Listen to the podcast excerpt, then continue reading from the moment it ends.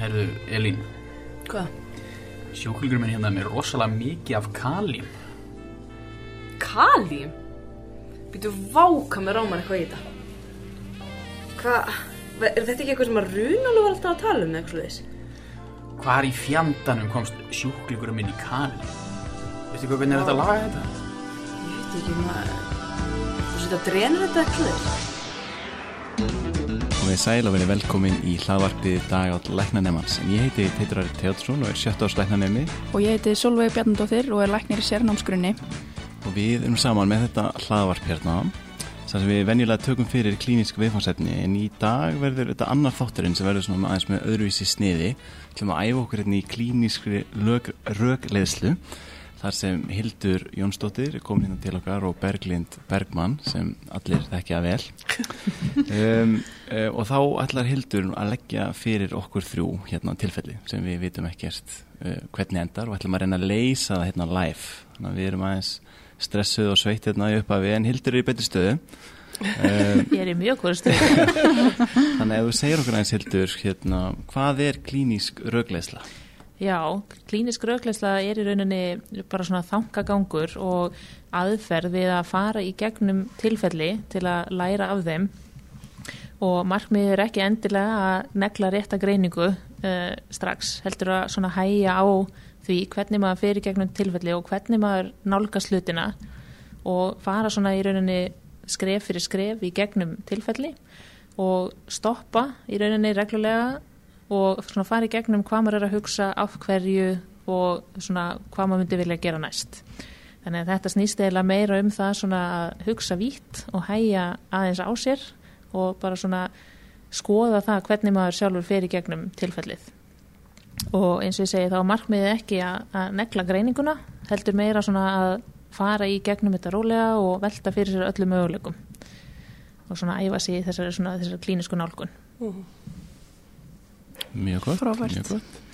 Já, ég held að okkur sé það geta vannbún, vannbúnaði og getum bara hafið þessa æfingu í klínískri rögleðslu.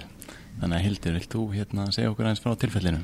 Herru já, ég er sérst búin að finna tilfelli fyrir ykkur að leysa hérna í dag og ætla bara að byrja að vinda mig beint í þetta og gefa ykkur hérna í rauninni koma ástæðu og svona sögu núverandi veikinda. En áður en við byrjum þá vil ég nú samt nefna það að hérna tilfellið sem við erum með í dag er svona byggt á raunverulegu tilfelli en því hefur verið breytt uh, umtalsvert uh, til að koma í veg fyrir að það sé persónugreinlegt og uh, þetta tilfelli er þar auki byggt á tilfelli sem ég sá sjálf um, þegar ég var í mínu sérnámi.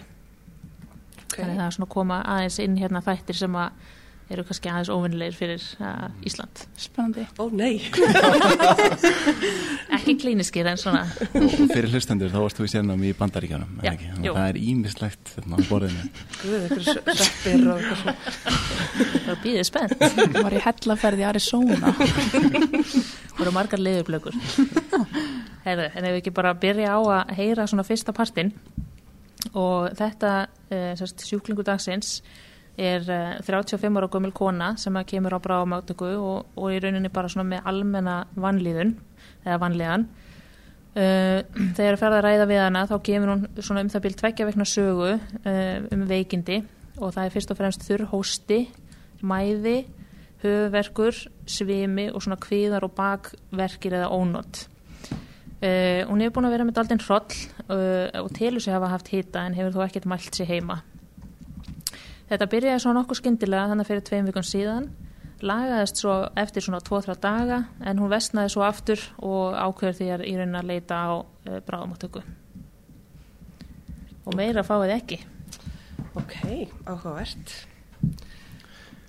Já, áhugavert. Þú byrjað þetta? Já. Herri, já, ég skal byrja.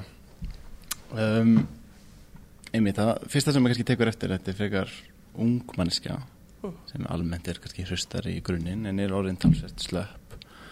Og svo er þetta tvekja vikna sagæmi sem byrjar skyndilega og maður lagar svo eitthvað og vestna svo aftur.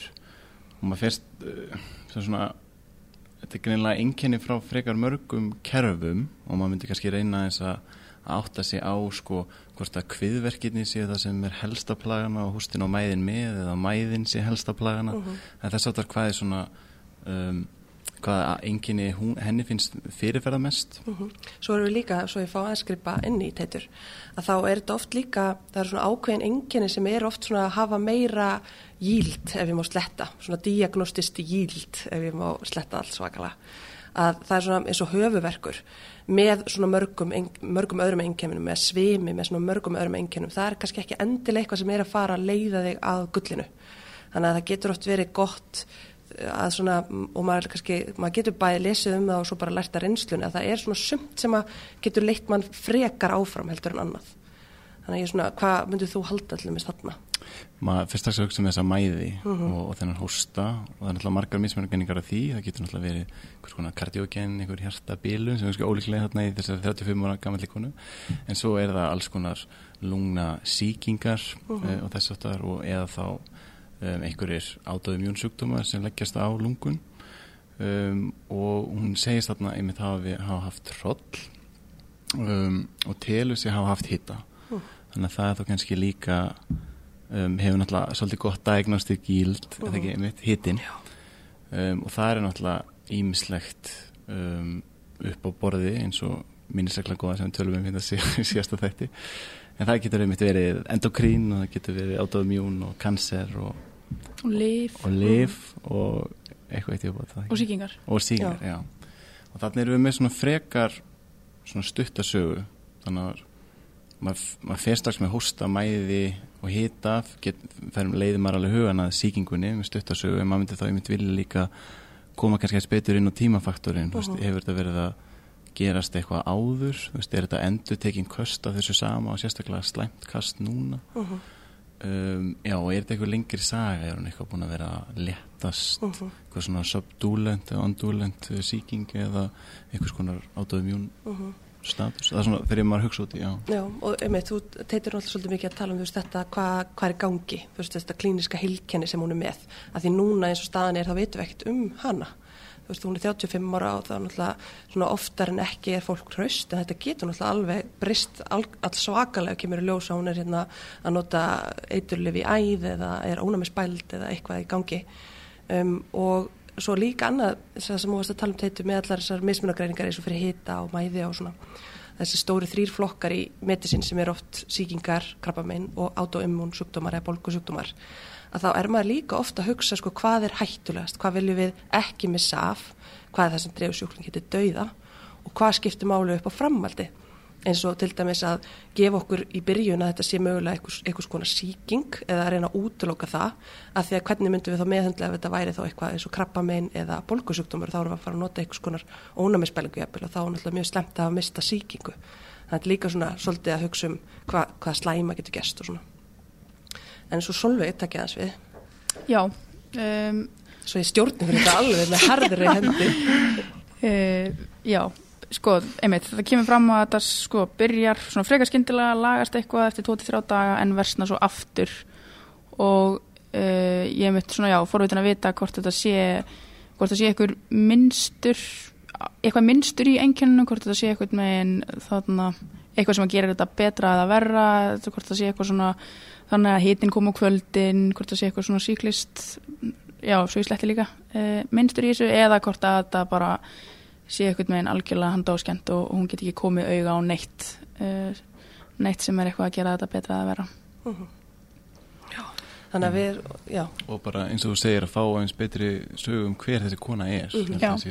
er einhver áhættu hegðun mm -hmm. sko nýli ferðarlög Mhm, til Og við- Bandaríkjanna. já, já, ég veit hvað hún er verið að gera þar Akkurat. við hvað vinnur hún Mhm. og svona Herri, já, þá skulum við aðeins halda áfram, þetta er allt svona mjög góða pælingar og þetta vissulega byrjar allt hérna svona frekar óspesifíst og svolítið svona breytt og það er rétt maður þarf að vita meira um þennan einstaklinga ánu lengra er haldið. Um, þá ætla ég hérna aðeins að fara í gefnum kerfakonunina sem var gerð með henni.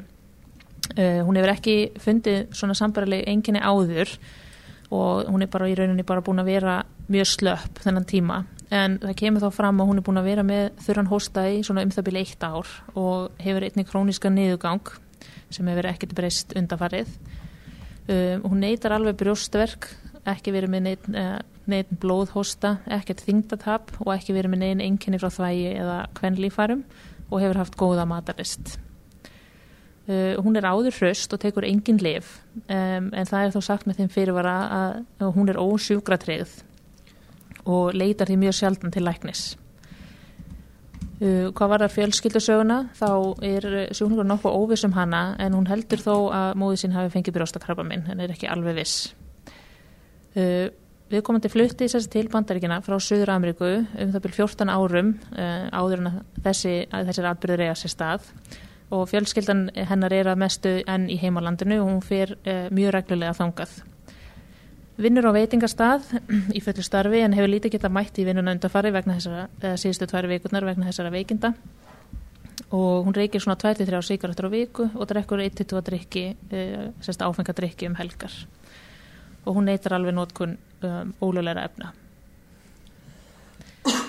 Og ég ætla að gefa ykkur líka í þessum parti hérna líkamskoðunina Uh, hún er sagt, uh, hita laus með hita 35,9 blóðþrösningur er 125 yfir 85 púls 98 uh, mettun er 92% og öndunatíðni 22 hún er almennt ekki bráðveikin til að sjá og er ekki meðtekinn það þreyfast yngir eitlar á hálsi og svona háa niður skoðun er ómarkverð það var gerð brjóstaskoðun og það var þettur vefur átökuðun yngar fyrirferðir þreyfuðust Eh, við hjartalustun heyrast bara S, eh, heyrast S1 og S2, það eru engin auka eða óhljóð, eh, hún er í reglulegum takti en frekar hröð. Við lúnarhlustun er reyn hlustun yfir vinstra lunga en minguð öndun og hljóð og bankdeifa eru yfir hægra lunga. Hviðrun er mjúkur en það eru væg þreyfi ymsli yfir blöðrustad og að öðru leiti er í rauninni skoðun ómarkverð. Eh, það var sérst gerð á henni taugaskoðun sem var eðlileg húðskoðun á semta eh, engin bjúur á fótum og symmetriska púlsa og það var ekkert aðtöðverst við skoðun á baki heldur Jæja, hvað hugsiði þá? Já, sko allavega svona heyrandi þetta þá verist þetta að vera kannski aðeins svona gæti við hafa verið aðeins lengri saga heldur en uh, maður skinnjaði þannig í byrjun. Því þá var talað um þetta hefði verið, hún hefði verið veiki 23 vikur en, en þann nú er eiginlega kemur að ljósa að allavega hóstinn hefur verið til staðir í svona eitt ár og verið þessi króniski niðurgangu líka. Um, og þessi punktur á hann er ósjúkratregð fyrir sjaldan til læknis. Kannski hefði hún verið búin að fara fyrr til læknis ef hann hefði betra aðgengi að heilbreyðsjónstu og líka þetta hún sé bara að sé engin fyrir heilsufarsaga og engin lif að það er mitt maður spyr sig er eitthvað þarna sem er bara ógreint? Mm -hmm. sem að gæti þá haft tölverð áhrif á e, heldamindina um, hún er frá Suður Ameríku og greinlega ferðast mikið þarna á milli og, og það eru þá já, einhverju svona landlægir sjúkdómar sem að geta fyllt því og geta fyllt e, fyllt ferðalögum. Um, og svo vitum við í rauninni lítið um hennar bakgrunna því hún já, veit svona óvissum sína fjölskyldu sögu um, en þetta kannski allavega vikar aðeins út greiningalistan okkar og kannski þurfum að fara að hugsa um einhverjar sjálfgjafari hluti sem við mitt sjáum sjaldan hérna á Íslandi. Um, og svo ef við færum okkur í já, líkamskoðununa Já, kannski nefnilega á reiki. Já, já, já. reikir 23 síkartur á viku. Já, ok, það er nú ekki mikið. Já. Það er samt. Það er, það er ekki, ekki neitt. Það er sko sapnast upp. Kannski er hún bara nýlega búin að minka þetta Og já einmitt áfengi í hófi og ekki önnur við með öfni uh -huh. Svo getur maður líka að spyrja sig hvort það sé alveg rétt og önnur á veitingast það, kannski það er ofta eitthvað svona sem mm -hmm. fylgir því þar. En allavega, við tökum þessu. Já, þetta er svo, svo saga sem að Þú tristir mig grunlega hérna setja mig aðeins í Dr. House-spórin Allir ljúa Er það raukt flagg, Berglind, veitingastæðar? Ég veit ekki, það er allavega ekki í þessum prófaböngum sem maður ræði sig, þá er það ekki eins og að vera kvítu business maður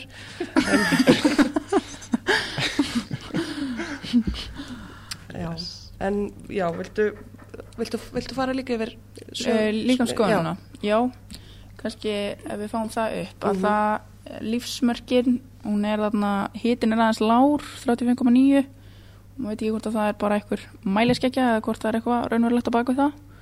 Um, og svo aðeins takkikartana púlsinu 98, svona alveg við eðri mörg og svo kannski einmitt mettunin og öndunatíðnin sem aðeins svona stingumann, þú veist, öndunatíðnin 22 og er að metta 92% þú veist, 35 ára kona með enga hilsu var sög, klórlega þarna uh, eitthvað óæðilegt þar og það er líka eiginlega það eina sem að stendur út í líkamskoðuninni, ekki satt? Það er þessi minguð öndunljóð og bankdeifa yfir hægra lunga. Jú, nákvæmlega, það er eiginlega svona það helsta sem er í rauninni óæðilegt við annars svona frekar ítalega líkamskoðun. já, já, og svo þannig aðeins væg þreifeimsli yfir blöðru. En ekkert annað sem er líst Mhm. en það er ekki rétt í mér? Jú. en allavega já, þannig að þessi e, maður hugsa aðeins um lungun og mettununa hjá henni Mhm. það er eitthvað sem maður myndi vilja skoða betur Hvað finnst, hvað er þetta að hugsa þegar þú lest þetta minguð öndun og bankdefa yfir hægra lunga? mm hvort það sé um, eitthvað samfallana eitthvað vökvi um, eða jafnvel bara eitthvað eitthvað fyrirferð Mhm. eitthvað þéttari vefur þarna Mm Samanlega. Eh, allavega ekki loft þarna bakvið eins og á að vera Mm Teitur, hvað segir þú? Já, bara frábæri yfirferð. Takk Teitur. Ég er að setja mig hérna í clinical problem solve skýrin. Nei, ég er bara sko sammála þessu að hún búin að vera með einhvern hósta þarna alveg í heilt ár. Þannig að það svona leiðir að líkum hvort þetta getur verið tengt og hún gæti bara verið með eitthvað bakflæði sem hósta þess vegna. Maður velti fyrir sér einmitt hvort þetta sé eitthvað sem búið að vera í gangi í svolítið langa tíma og svo verður eitthvað svona akút vestnun er ekki að kompensera lengur. Og svo einmitt, þú veist, 92% öndunatíðinni 22 og, og áðan að því við vorum með svolítið kannski svona dreifða engina mynd þá erum við kannski svolítið farin að fókusera meira inn á lungun þarna, hún er með þessa bántifu um, þarf að anda hratt til að viðhalda mettun og nær samt bara að halda 92% mettun. Þannig að maður hefur svona svolítið áhyggjur af því en, en hugga sig við það að hún sé ekki allavega bráðveikindarleg og svo talar hún um þennan hroll og, og svona kulda og, og hefur mælt sem í hita en þannig er hún ekki með hita hjá okkur Já, hún hafði ekki meldt við það. Nei, hún hafði ekki Já. mælt sem hitta en hún svona henni leiðan sem hún var með hitta. leiðin sem verður okay. Mhm. en, en svo getur náttúrulega líka sko að það að vera með ofur lágan líkamsita bent til síkingar sem er ekki herpesíking eitthvað sem getur valdið lækkum hérna Er það ekki líka í sérskrítiríunu oft? að Jú, er- akkurat, Það getur verið svona merkjum alvarlega sýkingu ef maður er orðin. akkurat. Þannig að mér stildi Íbúð mikilvægt þarna að útloka það ekki þó maður sjá ekki með titan um, en svo finnst mér svolítið merkilegt á nefni þarna með að því, að því áðan voru, var þetta svo dreifð mynd og maður vissi ekki svona hvað væri hvað en hún nefnir samt þannig króniska niðurgang Já, sem vitum ekki alveg hvað er búið að vera lengi og Mm. hvernig tengjum maður sko króniska niðurgang saman við bántifu í, í hægra lunga og Mhm. núna eitthvað svona lungna affeksjón mögulega með eitthvað fleiri vökva og, og eitthvað. Og ég veit ekki sko, ég veit ekkert hvort það sé á baku þetta en mér langar að henda út einni hérna diagnósu hérna strongiloider, svona ormurinn. Get, getur maður ekki fengið eitthvað sko niðurgang að því? Og svo skrýður hann upp í lungun og veldur eitthvað Sko, mér nú líðan ég- á eitthvað tíma lært um þetta í það er síklafræði einhver sníkiðir þannig að Er ekki, getur ekki valdið lúnaháþristing? Er þetta ekki Jú. algengasta ástæða fyrir lúnaháþristing svona í þessum Já. stóra heimi, ekki hjá maður okkur? getur alveg verið með maður fleiri vinnur vökva Ha, Jú, mér minnir að þessi Já. þannig fyrst. og maður getur verið með fleiri vökva á lúnaðastingi þannig að ég hendi þessu út ok. Það erum að þetta ekki, ekki merkjum lúnaháþristing við skoðununa. Þú Nei. veist, eins og parastelnar híf eða, eða hérna, hávar P2 af S2 eða, eða tríkváspillókuleiki. En það, við, við svo sem myndum bara skoða rosa vel sjálf og svona. En ég er algjörlega sammála, sko, um, mér finnst það mjög áhugavert með króniska neðugangi eitt ár. Þú veist, hvað er það eiginlega? Og sko, við erum alveg vissum, sko, varandi lif og annað og sé ekki taka henni lif, að sé ekki líka eitthvað svona uh, ólifselskilt eða eitthvað svona náttúrulega efni eða eitthvað slíkt. Um, og þú veist, þannig að maður sé vissum að þetta sé hluta einhverja myndinni. Um, en annars þá er, getur maður oft, sko, er hægt að flokka króniska niðurgang sem er þá yfir fjóra vikur sem er klálega henni eitt ár. Hún reyndar gaf ekki upp alveg tímafaktorin í þessum króniska niðurgang. Það var hóst, hún var búin að vera með hóstan í eitt ár. Ó, ok, ég skrifaði hjá mér. Ég var eitthvað vittlust bara. Já. En hérna, ok, þannig langvarandi. Við vitum ekki alveg Já. hversu langur. Ok. En það, maður getur flokka í svona stórt, stóru hérna, flokka, þú veist, inflammatóriskan niðurgang og ekki inflammatóriskan. Og mer, svona e, dæmi um, sko, ekki inflammatóriskan, það er eins og veist, glutenóþól og slikt. En eins og henni þá finnst mann eins og að sé mögulega einhver bólga í gangi. Þetta sé þá, ef þetta tengist einhverja myndina, þetta sé þá bólgunniðgangur. Og það getur verið uh, út af autoimmunsjúkdóm eins og infl, uh, hérna, inflammatóri bál, disease eða sýkingum, þú veist, eins og berklum til dæmis. Og um, svo getur náttúrulega krabba minn líka valdið eins og eh, hérna ristilt krabbamein og við vitum að krabbamein geta farið til lúnana sem að Mhm. metastassar. Það er saga hjá henni, möguleg saga um, um brjóstakrabbamein. Mhm. um, já, þannig að ég er svona, mér finnst ég bara búin að fara mjög vel yfir þetta bæði þetta með hvað er markvært í skoðun og kerfakönnun og svona og, og við kannski bara fáum að heyra næst næsta bút. Já, ég, hérna, skulum fara í næsta bút og það er í rauninni sagt, svona fyrstur ansóknir og ég ætla bara áður en ég gef ykkur það svona hvað, núna bara með það sem þið viti og það sem þið eru að pæli og svona, hvað myndið þið vilja fá á þessu stíði málsins? Já, Já, fá blóðpröfur blóður, já. Já, og bara þessar Frá CRP og og Já. Allir vil, vil fá náttúrulega blóðhag, við viljum sjá hvort til efkosítósa, Mhm. hvort þetta séu neftrofílar eða eitthvað skrítið eins og eosinofílar Já, einmitt, einmitt um, og já, CRP-söð, sök, eitthvað skonar um, elektrolíta, hún er mm -hmm. með niðugang, hvernig eru nýrun? Um, livrarpanel kannski, eins og acetalat og ALP og Svona vilja alltaf fá kolsýru og helst sko hérna blóðgöss mm -hmm. Stjáni 22 í öndunatíni um, sko um, það er alltaf þegar maður er að lesa eða æfa sig fyrir prófa þá er alltaf tekin, tekin hérna sín úr, úr uh, sörnum en mér finnst við ekkert endilega að gera það þegar fólk er með langunan niðurgang, þú veist það er verið að tala um osmolalitet og alls konar svona, svo náttúrulega líka bara í ræktun. Mhm. Það um, myndi klálega einmitt reyna það allavega. Mhm. og fá kannski, kann það, er ekki að mæla eitthvað kalprotektin, jú það er rækt að gera það í- þessi sérst- sérst- bólga í Mhm. svona mm já, tengist neftorfílunum Já, um, og svo við vilja líka vita hvort það væri eitthvað blóð eða eitthvað í niðurgangnum, var það? Það, eitthvað það var ekki. Ok, en um, svo náttúrulega Suttons Law, er það ekki? Hvar eru pinningarnir? Eru fleiri vöku, ætlum við að taka síni taka, taka kannski byrja á lúnamynd og Svo ekki fínt að fá þvag líka. Jú. Já, jú, og, og uh, einmitt, ef það er fleiri vöku þá viljum við náttúrulega klárlega að taka síni Mhm. og hérna, og skoða fleiri vökan, nánar, Mhm. er ekki sammála? Jú, algjörlega. Lights kriterja og svona. Mm, algjörlega. Viljið eitthvað gera einhverjar öndunafæra rannsóknir á strók? Það er nú COVID og svona. Já. Já, einmitt, já hljómar, hljómar skynsilega Mhm, hún er með Má ekki alveg, þó maður sé í klinikalísunum, má ekki alveg gleyma common things are common. Sko. Nákvæmlega, jú, klárlega, við viljum fá nefnpóstrók og viljum fá, reyna að fá hráka þá hún sem við þurfum að hósta, en reyna það allavega. Þannig að Afhendi ykkur hérna svona, að fara aðeins yfir bara svona fyrstu rannsóknir. Það var ekki, hérna, kannski fengum ekki alveg allt sem að þið vildu svona í fyrstu atrunu.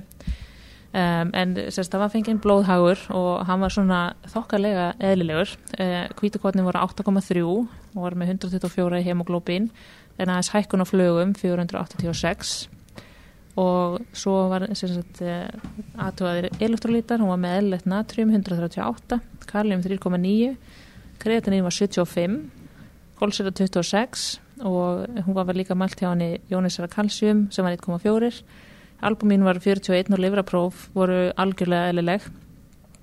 Og svo var tekið hér öndun að fara strók og hún var ekki með COVID-19 hún var reynda með positíft fyrir rínóvírus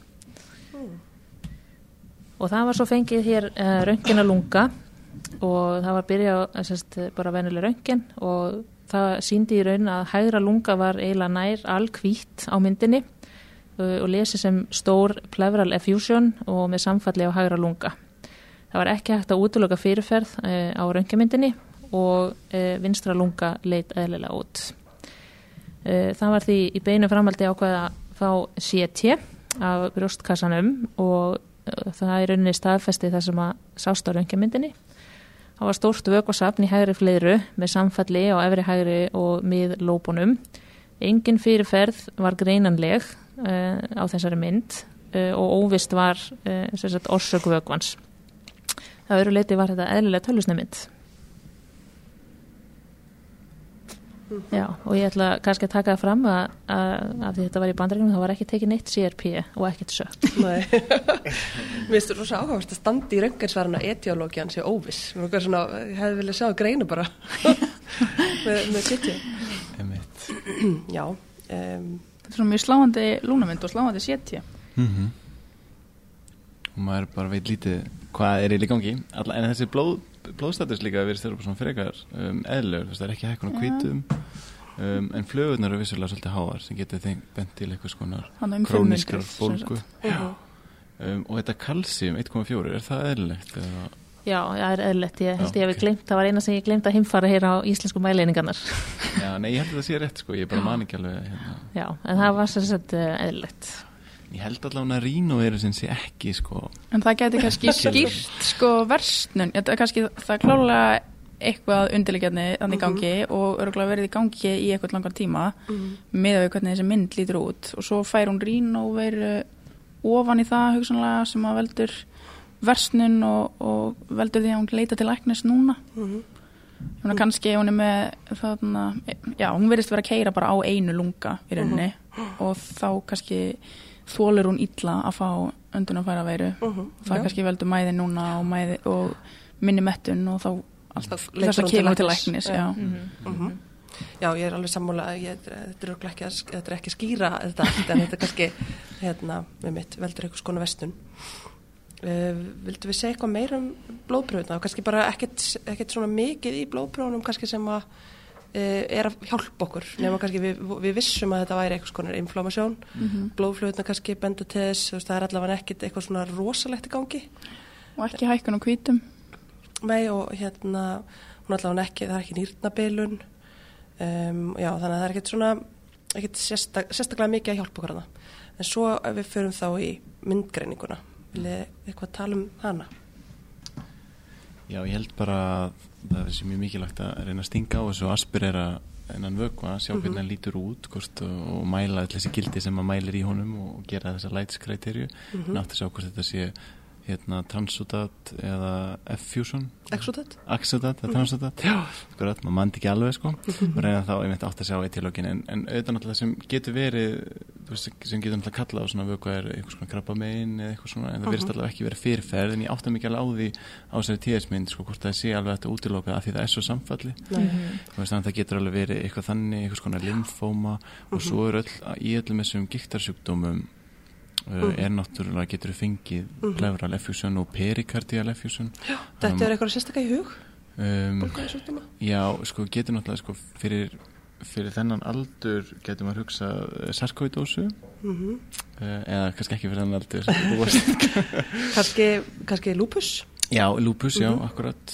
Um, sem getur verið og sarkóidósu náttúrulega er með lungun og krónisk hósti og svona, ég veit ekki hvort það sé hílar hérna, eitthvað er þarna. En svo getur yktsiki líka valdi svona plafrosíu sem að getur valdi hérna Já, akkurat, akkurat. Mhm.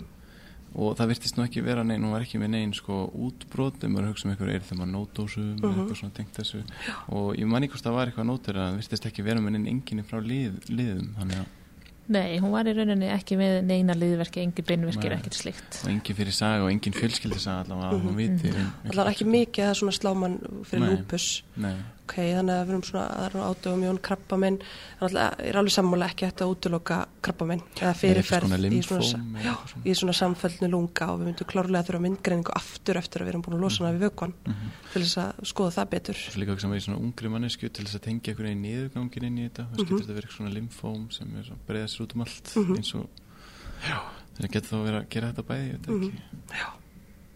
Ok, Solveig, ertu eitthvað, er eitthvað svona svona allt bæta við þetta? Hvað myndir þú giska að þetta væri ef þú ætlar að spá fyrir exodat versus transodat, hvað myndir þú halda? Þetta er svo góða spurningar hvað, byrju, þetta eru þarna Vessi og Vilsa eru það ekki íslensku heitin? Jú, jú. Við erum að reyna að Gott að halda halda okkur í hérna ég held þetta sé Vilsa. Mm Er það ekki exodat? Jú, Jú. Já. ég held þetta sé ekki ekki eitthvað svona hreitn Vessi. Mm Nei, hreitmessi væri þá eða ekki hjartabilun og Mhm. brísbólga og eitthvað svona. Já, sem eru al... Ég held að byrjusbólga sé reyndar oftar exodat af því það er svona eitthvað veist, bólgan sem gerir háraðarna gegndræpari og það einhvern veginn fer svona út vögvi Ok, ok. og meðan að þegar við erum með vessa þú veist það er þetta er eitthvað ekki prótín og eitthvað efni Jú. í Já, annarkvort þú veist ef við erum sagt þegar við erum með Eða lifrar þegar við erum með exodat þá er, er sem sagt, eða vilsu, þá er sem sagt eitthvað prótín eða eitthvað önnur efni í vökunum eða ekki? Jú. Já, og, og er ofta eitthvað svona bólga, frumur og svona. Já, já, einmitt. Kannski eitthvað bakteríur. Já, eða, eða Já. illkynja frumur eða, Nú erum við búin að fara aðeins yfir sko, hérna, krabbamennin og bólgusjúkdómana en bara ef við tökum að sýkingarnar Já, Hvað- ekki hvað- gleyma þeim. Nei, hvaða sýkingar? Sníkjudýrunum. Já, einhverju svona sjaldgæfar skrítnar sýkingar sem að geta valdið ekki Kannski- endilega, byrjum bara, á, byrjum bara á algengum. Já. bara, Ok. Hvað geti það verið? Algengar sýkingar sem myndu valda fleiri vökva. Geta náttúrulega bara verið einhvers konar lúnabólga mm og, og já, sem getur valdið fleiri vöku sem getur þróast svo yfir í MPMA Já, kannski var hann bara með rín og veiru og komið sekundær lúnubólgu Já, mm bara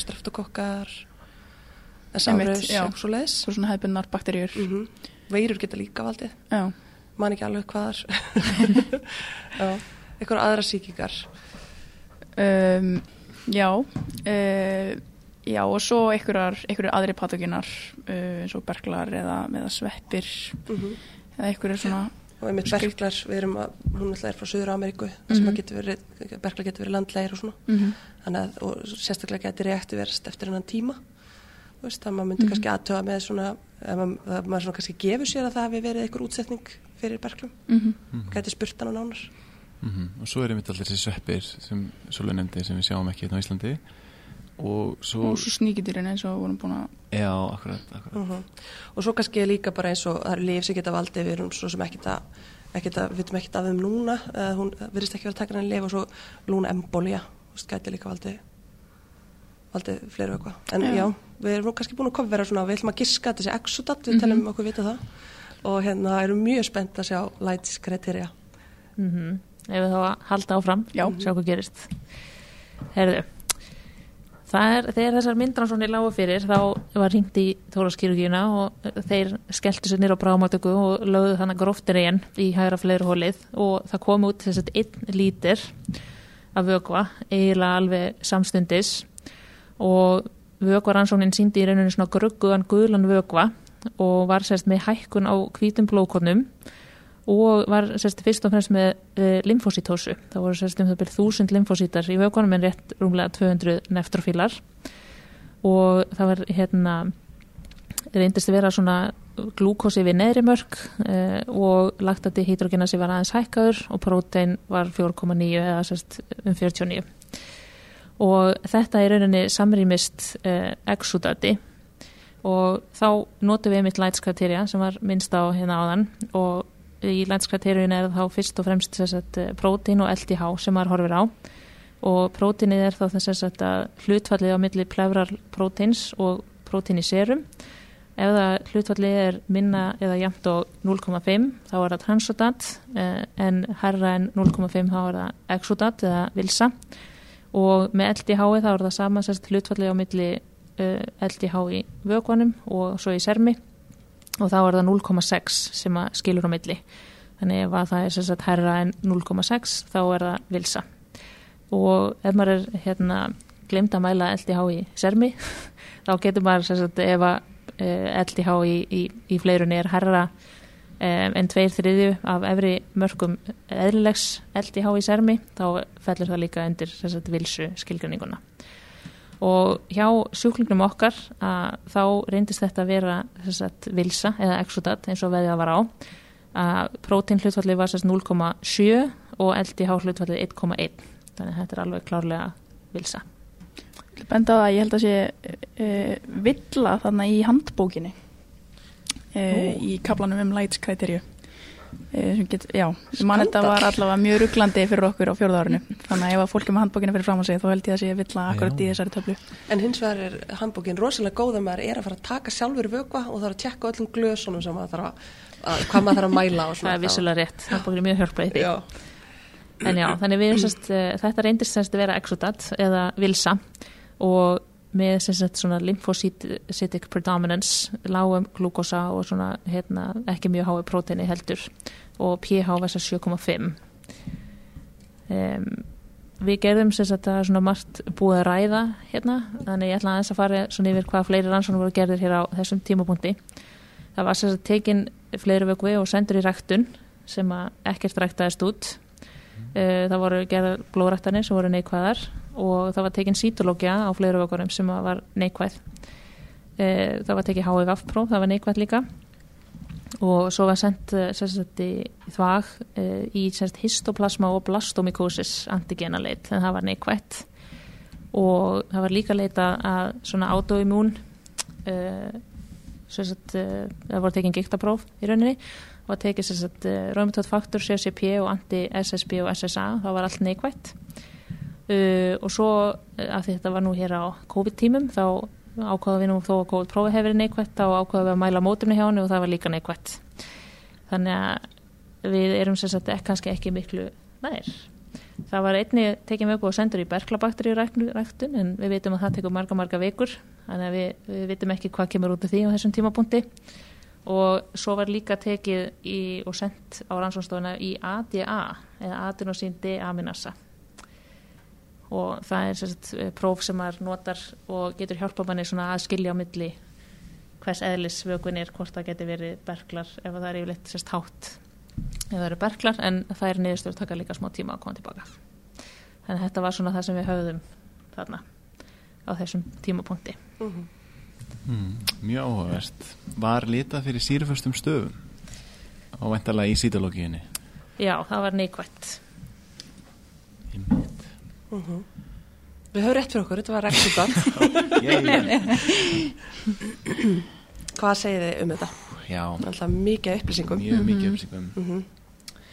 En akkurat já, þetta er þá exudat eins og við spáðum fyrrum og kemur einmitt svona, svona kannski aðeins á óvart að þetta sé allt neikvætt. Mhm. Þú veist, það er, Já, mér fannst það pínu vandrarlegt að það var sagt sko HVF neikvægt að því við rettum ekki neitt. En sem sagt, já, ástæðan fyrir að ég segði vandrarlegt með að við höfum ekki nefnt neitt HVF er bara því að það er breytt svo miklu að vita að hún væri HVF jákvæð ef það væri einhvers konar ónæfisbæling og við vitum svo lítið um konuna því að hún hefur ekki leitað sér mikið til læknis, það getur alltaf vel verið að hún hefði einhverjum tíðanpunkti nælt sér í þá veiru og það, hún einhvern veginn haft áhrif. En ég menna allavega, við erum vitur eftir á. Já, um, Já, það hvað er allavega rétt með exudati, við skulum bara fagna því. já, já skulum bara byrja þar aftur. En en þetta sírustig í vökunum, sko nú maður náttúrulega ekki oft með eitthvað fleiri vökva og uh, já, kannski ekki tilstaklega sleipi í þessari lætskrætiri eða, eða hvernig maður á að tólka þetta en uh, myndi maður ekki búist við að vökun væri súrari? Að það er neila basískur? 7,6 er held ég Er það köttafið? Já, ok. Eða svona það telst eðlilegt fyrir fleiri vöku Ok, hún er 7,5 þarna, þannig að við erum ekkert að kippa okkur við það. Þetta er ekki eitthvað rosalega látt Nei, ok. Ok, En einmitt, kannski ef við förum aðeins yfir þessar mismörgningar kannski sem við höfum verið að ræða. Já, eða þá, að því Já. að bara svo ég aðeins skipti mér að Já. Þú varst byrjað að tala um pH-ið já. Hvað annað svona sló ykkur í þessum vöku? Var eitthvað annað? Um, mikið af frumum, Já. og. Sem sagt aðalega lymfosítar Já, Það er svona, veist, þetta er alveg eiginlega náttúrulega bara lymfosítar já. 1000 versus 200 Mhm. mm -hmm. neftrofílar og það er með ákveðna mismörgreiningar líka sem við getum svo tekið sérna Mm. um, ok, eitthvað annað í fleiri vökunum Glú, uh, glúkosin Með glúkosan, já, ég, átta, ég heldur ekki tilfinningu fyrir því. Mm Byrju gildi var 82, var það ekki? Já, og gildi er í rauninni 82 og þetta er í rauninni hérna, sem maður myndi segja svona við efri, nei, afsaki neðri mörkin á því sem manni finnst svona að vera eðlett í blóði.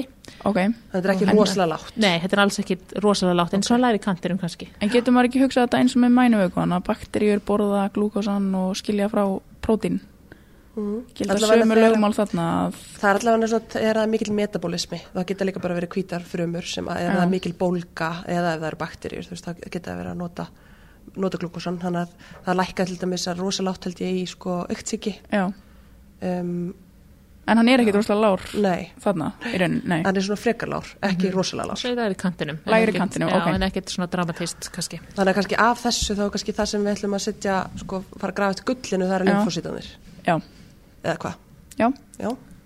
Hljómskynsalega. mm hvað, svona, hvað myndi þið halda af, myndi, að því lymfosíta þá erum við að tala um einhvers konar languna bólgu við vorum svo sem Já, alveg akkurat. kannski komið svolítið á því að væri einhvers konar langun bólga í gangi hjá henni Já, akkurat. Mér finnst það þá ennþá svona einmitt eitthvað svona langvinnar sýkingar eins og til dæmis berklar. Mhm. þar sem þú veist með svona krónísk aktiveringu á bólkusvari og, og lymfosítum. Mhm. En svo myndi maður hugsa líka einmitt krabbamein. Mhm. Veist það sem uh, það hefur verið en aktivera ánæmiskerfi til þess að vinna á krabbameinu og bólga í kring og þess að og svo kannski líka eitthvað svona autoimmunitet Mhm. og, og við erum alltaf búin að fá svona aðeins panel hérna þar sem hún er RF neikvæð, anti-SSA og SSB en okkur kannski langaði smá í ENA Já, líka upp á, upp á lúpusinn og, og Mhm. þess að það þannig mér er það algjörlega ennþá á borðinu og, Mhm. og þráttur sem er neikvað RF SCP útiloka það ekkert sér á negatívan RA til dæmis. Mhm. og svona líka mitt, þú veist, varandi malignandi þetta er svona eins og lymfóma en það allavega sítológian var bara eðlileg. Ok, Já, Já, við hefðum, átt, hefðum getað séð að það væri eitthvað ítlkinja frumur. Já, en maður getur líka sendt fleiri vökun í svona uh, flæði frömmu sjá, svona Já. flósítometri en útilokar það malignandi þetta er lymfóm ef við sjáum ekki neitt núna Ég myndi halda að færa eftir hversu vel þetta var gert ef Já, það var sendt já. rosalega mikið af vöka þá er meir líkur að það sé mikið af frumum Mhm. og þá kannski ætti að vera allavega einhverjar illkinni ef það er malignitet en ég er svo sem veit ekki Þannig að ég, því við erum með svona hreitni mynd þá erum við kannski frekar að hugsa um þá síkingar Mhm. eða þá hérna Átóðumjón. átöðumjón, já, Já, ég er allavega orðin mjög heitt fyrir berglum einmitt Mhm. En sko já, var eitthvað eitthva meira sem við viljum segja með þetta? Við erum allavega með exudat, við vorum svona búin að taka aðeins, við erum búin að fara yfir svona þessar mismunum greiningar og við erum kannski komin á svona hvað við erum mest að pæla í. Já, en ef við erum að pæla í sýkingum og það er neikvað rektun Mm er, er það þá bara ekki sýkingar? Nei, eða þarf að segja, rekt, neikvæða rektun útilokar ekki að, mm -hmm. Að þarna, það getur verið að sé ykkur pátakinna sem við bara náum ekki að rekta eða það er lengri tíma að rekta Já. eða við þurfum betra síni. alls konar sér æti sem þarf Já. bakteríu Já. Við þurfum líka aðtuga bara hversu gott næm og sértæki er fyrir þessar rektanir. eins og til dæmis ég hef oft heyrt agnar spýtutumalækni segja hversu lélegur hérna, fleiruvöku er til rektunar eða skoðun, skoðunar leitunar sýrufæstu stöðum til, með til þetta bergla Mhm. og það er jafnvel tekið sko fleiru síni sem er þá kannski jafnvel betra og við erum ekkert að fara að gera mantupróf eða kvantifera fyrir þessa konu að því þú veist það er ekki að fara að hjálpa okkur neitt fyrir þetta við viljum fá einhverja mikrobiológi Við þurfum kannski að hafa samband við þarna rannsóknastofuna.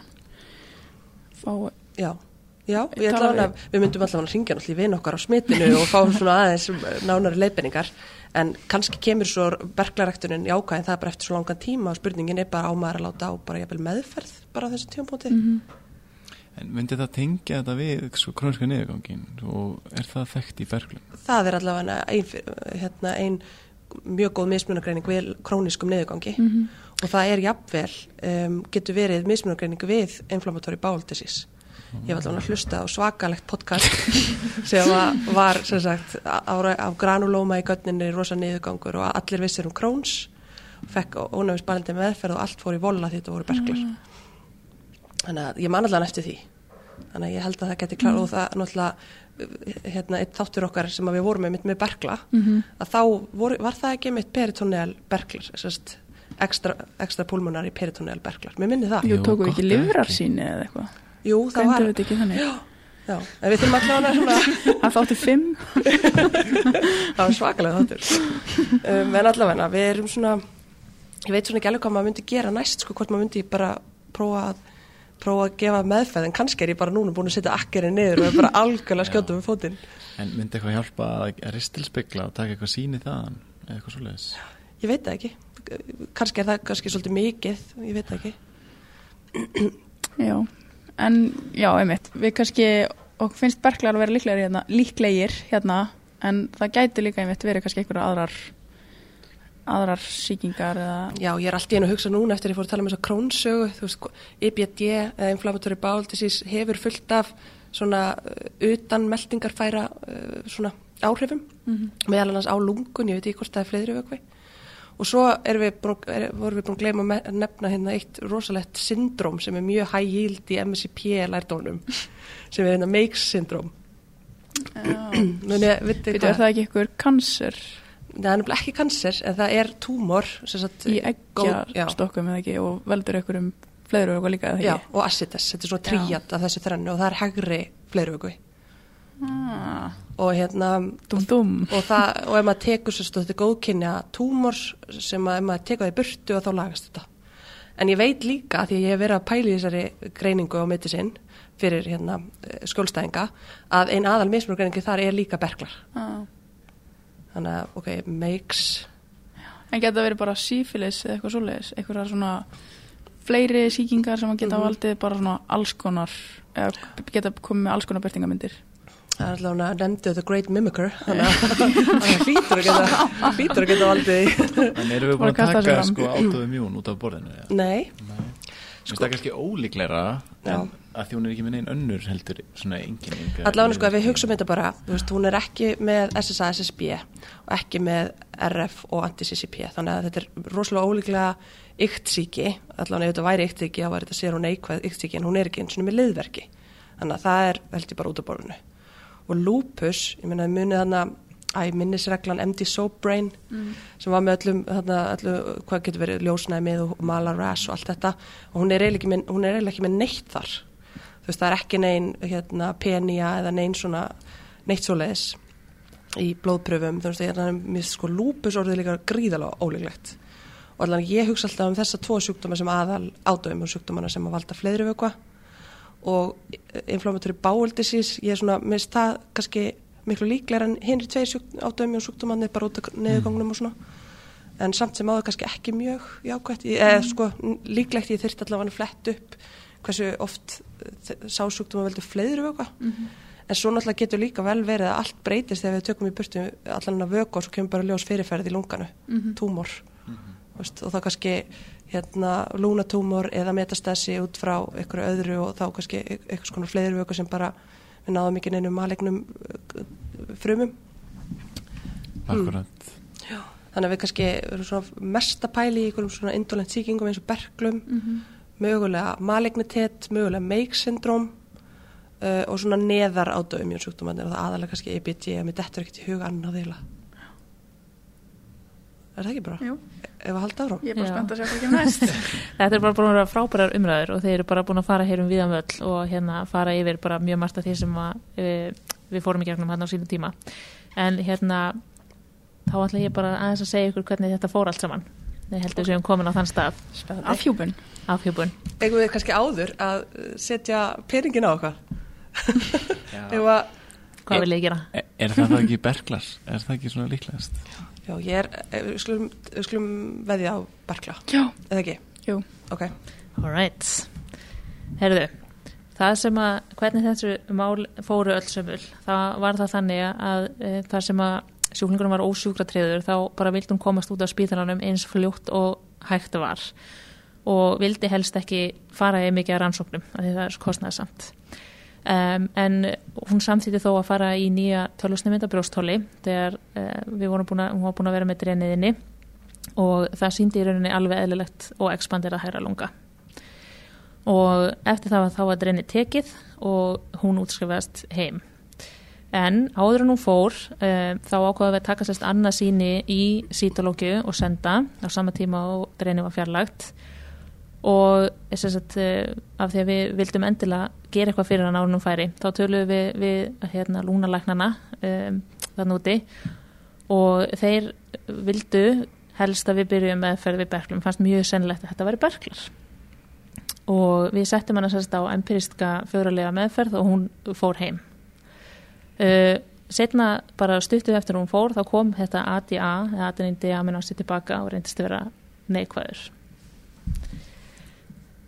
svo gerist Má ég skjóta en aðrindi að minna sig Já, það er sérst uh, hérna, mæling sem maður getur gert í fleiri vögva og getur nota til að skilja á milli malignitetis og berkla og er oft hækkað ef að það reynast vera berklar. Já, það var sagt neikvægt hjá henni. Það var neikvægt Já, hjá henni, en það er ekki alveg, þú veist það er ekki 100% sensitivity og specificity, þannig að það var ákveð að halda bara óbreyttu plani þó að þetta kemur ljós. En bara nokkrum dögum eftir að hún útskrifast heim, þá kemur hún aftur og þá er aðal kvörtunin þensla á hvið og verkir í hvið. Uh, hún fer semst í CT sem að sína þá stóran massa í pelvis og mikinn assides og bara þarna sama dag og hún er á bráðmátökunni þá kemur semst setna sítológíu sínið tilbaka og þá sínir sítológian adenokarsinoma uh, af múlerian uh, uppruna og þannig hún reynist að vera með metastatiskan uh, óvarjál kanser sem að orsaka svo þennan fleiri vöku einnig. Vá, Já. sko var það sér sett þannig að það, það var metast það sem flokkast að vera fleiri vökvin eða hvað? Já, hún var í rauninni sérst bæði með dreifðan, eh, dreifðan kanser um kviðarhólið Já. og var með sérst líka frumur í fleiri vökunum. Þannig að það telst vera sérst maðurlegn vökvi. Já, En þetta telst þó ekki þetta MEX syndrom nei af því að þetta er illkynja. mm Já. Þannig að þetta var eiginlega ótrúlega lardómsríkt tilfelli og hérna við fórum alveg í sama þangagang og þið og maður hugsaði einmitt þetta hljóta eiginlega bara að vera berklar.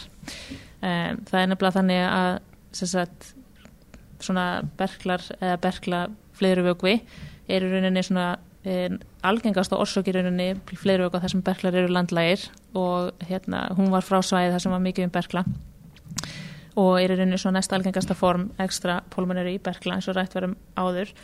Og alla niðurstöðnur úr fleiri ógnum pössuður rauninni við berkla eða sérst úr vökvaransókninni hún var sérst með lymfositósu, glúku sem var aðeins lækkaður, LDH var svona aðeins hækk, svolítið hækkað og pH var svona hérna, uh, svona á því róli líka þannig að við alveg fórum bynd í, í, í þetta líka. Um, en sem betur fyrir ákvaða við endur taka þessa sítológiu þarna fyrir háanni uh, því það er eiginlega þannig að næmi á sítológiu í fleiri okkar er frekar lélegt. Og það er eitthvað sem að við, hérna, ég mun ekki gleyma eftir að séð þessa konu. Að hérna uh, í fyrsta síninu þá var maður að meðaltali með næmi 60% þess að að finna hérna greiningu. Það er svona aðeins breytalegt eftir því hvaða tegund af ílkinni sjúkdómi þetta er. Það er til dæmis meira nær, sérst nær svona 78% fyrir lúna adenokarsinóma eða non-small cell. Og það er eiginlega mjög mikilvægt að endur taka sítológina, taka annað sín og senda og það bætir rauninni við þá 15% í yfir hérna, grei, eða sérst næmið þannig að yfirleitt þá maður alltaf ef maður fær fyrsta sítológiu neikvað, maður alltaf að taka annað síni og senda og láta skoða aftur. Og þess að óvarjál kanser og ekkjastokkarkanser er þess að þekkt fyrir það að valda hérna, fleiruvöku og hérna, algengstu svona orsakir malignan fleiruvöku er þá fyrsta leið kannski lúnakanser og svo mesothelióma en þriði algengasta er í rauninni ekkjastokkarkanser sem maður hefði kannski átt að hafa aðeins, hugsa aðeins meirum þarna þannig að maður lærir að þessu Var með þarna væg þreifeimsli yfir Já. blöðrust á.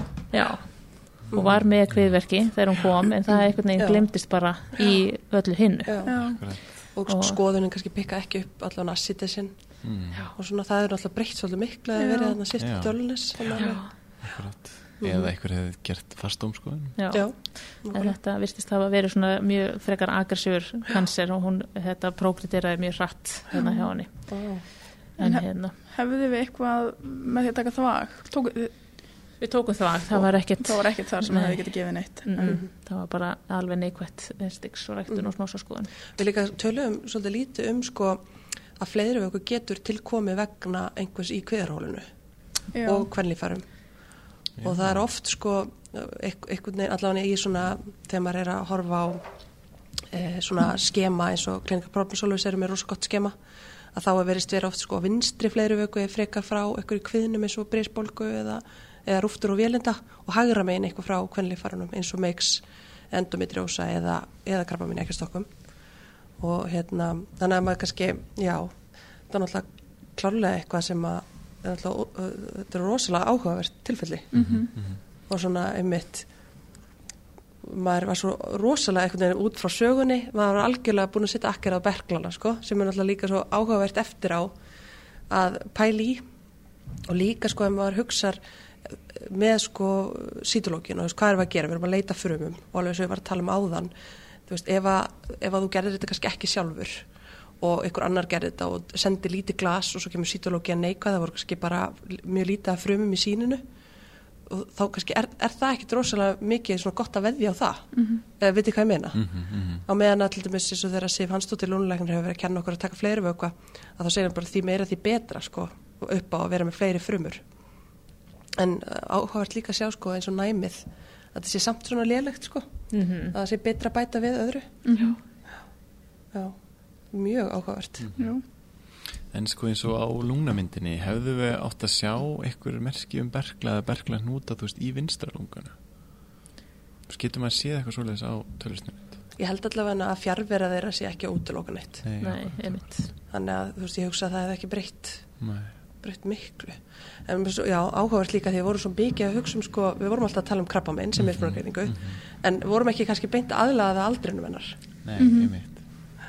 Mm þannig að við erum í smá kognitív autopsí hérna af því við vorum ekki með rétta greiningu. En við erum ekki svakalega leið því að, því að þetta var, ég hugsaði þú veist fyrirfram þá er þetta líklegara Mhm. þú veist, berklar, frekar en sko óverjan kannski þó þetta hafi svo enda sem hitt. En einmitt sko að vera pæl í mismunargreiningu og taka aðra, aðra sítológi og svona, þú veist, ég held að þetta það hafi verið bara mjög gott að fara í gegnum þe- þessa æfingu En byrju, þið, þið mælið ekki CRP, þið mælið ekki sökk út í bandaríkinum, mælið eitthvað annað í staðin? Flugurnar Það er aldrei CRP. Það er bara bæklun sem mæli CRP. Mér finnst þetta einmitt svo áhverð þegar maður er að hlusta þessu bandarísku hlaðvörp og það er aldrei sökk og sérpí nema þessu er farin að pæli eftir langan tíma í einhverjum bólkusjúkdómum þá kannski kemur sökk Já, einmitt. Maður er ekkert, einmitt, ég bara mældi einu sinni CRP og það var því að bæklun báði um það. því Það var einhver grunur um síðanlið í þau þrjú ár sem ég var úti. wow. En mér finnst líka svolítið áhverð þetta með þetta atja því að ég hef bara séð þetta sko þegar maður hefur verið að lesa eitthvað að þetta sé eitthvað nota til að svo, uh, greina á milli berkla og malegnitet en ég held ég að sko aldrei heyrt neitt tala um þetta nýja gera þetta hér, ég veit ekki hvort við getum gert þetta á landsunum, ég veit ekki. En Ég þekki það Ég ekki, en, nei, en þetta er eitthvað sem að þau voru, sérst, við gerðum alveg oft og var, við vorum oft með tilfallafundi sérst, og kynningar og þá var alveg oft, kom oft fyrir að einhver var að mæla ADA og lúnleiknandi tölu um þetta. Já, mér finnst það ótrúlega áhugavert. Já. Er eitthvað svona fleira sem að að því nú, við samt tölum um mix. Við vorum Já. komin ekkert okkar Já, þeir voru algjörlega á réttri leið en þeir bara duttu aðeins í sömu grifi og við, sko. Já, algjörlega.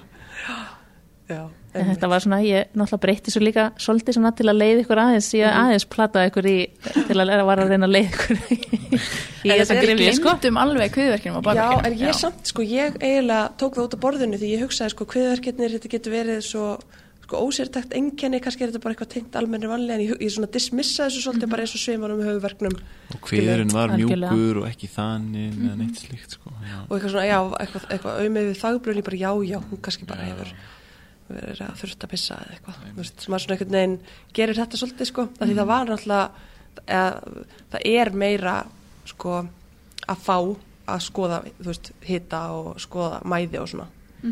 En ég meina, jú, ef við hefum kannski tekið kviðverkina líka, það hefur kannski fengið eitthvað annað svona vendiagram sem að hefði þá hefðu við kannski fengið hitt meira sko, að baka við eirað En við hefðum líka geta kannski hugsað eins að því við vorum með eða krabba minn hann nummið tvö veist, það hefði geta hugsað kannski eins meira, þú veist, já, ok, þú veist, hvers konar krabba minn væri þetta þá? mhm, Þú veist, að því lungun vistust svona vera frekar hrein og að tekina Já. enn tíðismynd, var ekki, vistist ekki vera, sko. mhm, ok, hann var Það- hún að vera reykt og verður þetta kannski ekki þá lúna Já, krabba og hún er líka 35 ára, þú veist, það er svona frekar ólíklegt að Mhm. hafa lúna krabba minn að þeim aldrei og eins og segir, aðlaða aldrinum og, ég hefði kannski, ég hefði freka veið, veið á limfóma já, akkurat, akkurat. Og við vorum nefndum það svolítið, sko.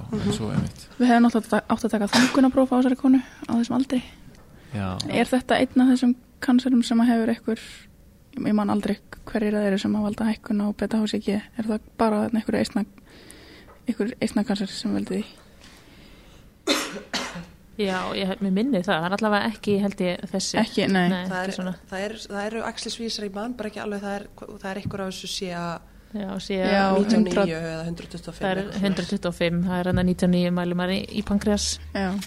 Ef ég manni. en við hefum ekki komist rambað á þetta með neittni neittni En ég er annari reynda sko, mælingu. þetta er svo áhugavert því að ég hef verið með sko tvö tilfelli, ótrúlegt en satt, sem minna mig svolítið á þetta. Mm. og þá var ég bæði mikið að tala við sko smeðstútumalækna og kvennsjútumalækna af því það var svolítið berklar versus overiðan kanser og mér finnst ótrúlegt að ég hef ekki nefnt það þegar ég er að hugsa um þetta og þá hérna og þá er mitt voru axlisvísandi mældir bara til þess að hjálpa ef þeir væru hækkaðir þá myndu þeir hjálpa manni uh, og svo var, voru ræktani teknar og það var meira sér líka gert sko eh, það var gerð berkjuspeiklum manni en það var mikið verið að reyna að fá sko ræktanir og um, hérna æxlisvísendir og svona verið að reyna svona skilja á milli.